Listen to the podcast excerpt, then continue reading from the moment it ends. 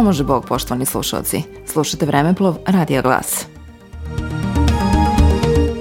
Na današnji dan, 2. februara, dogodilo se.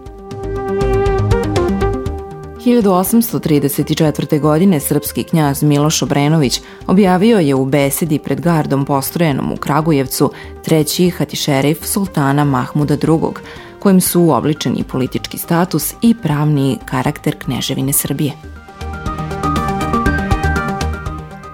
1895. godine upokojio se srpski pisac Ljubomir Nenadović, član Srpske kraljevske akademije, jedan od prvih srpskih književnika u 19. veku sa širokim evropskim obrazovanjem.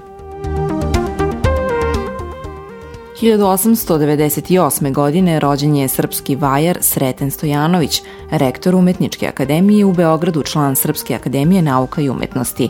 U mladosti je pripadao Srpskoj revolucionarnoj omladini u Bosni.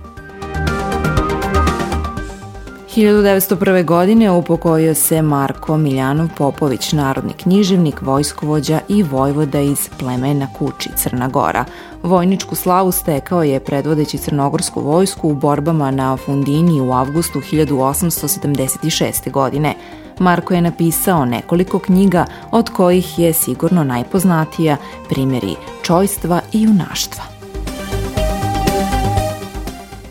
1908. godine upokojio se srpski pisac Milovan Glišić, jedan od začetnika realizma u srpskoj književnosti, dela pripovetke Glava šećera, Roga, Redak zver, Šilo za ognjilo, Prva brazda, a pozorišni komad Dva cvancika, komedija Podvala.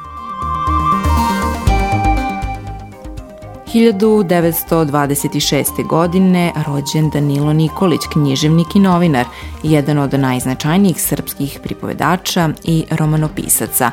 Njegov roman Vlasnici bivše sreće ušao je u deset romana decenije. 1924. godine upokojio se srpski pisac Aleksa Šantić, autor antologijskih pesama Ostajte ovdje, Emina veče na školju. U vreme aneksiozne krize 1908. godine izbegao je u Italiju, bio je zatim poslanik u Bosanskom saboru. U Prvom svetskom ratu austro-ugarske vlasti hapsile su ga kao istaknutog srpskog nacionalistu.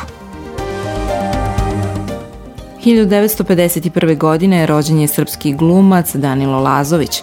Glumu je diplomirao 1974. godine u Beogradu.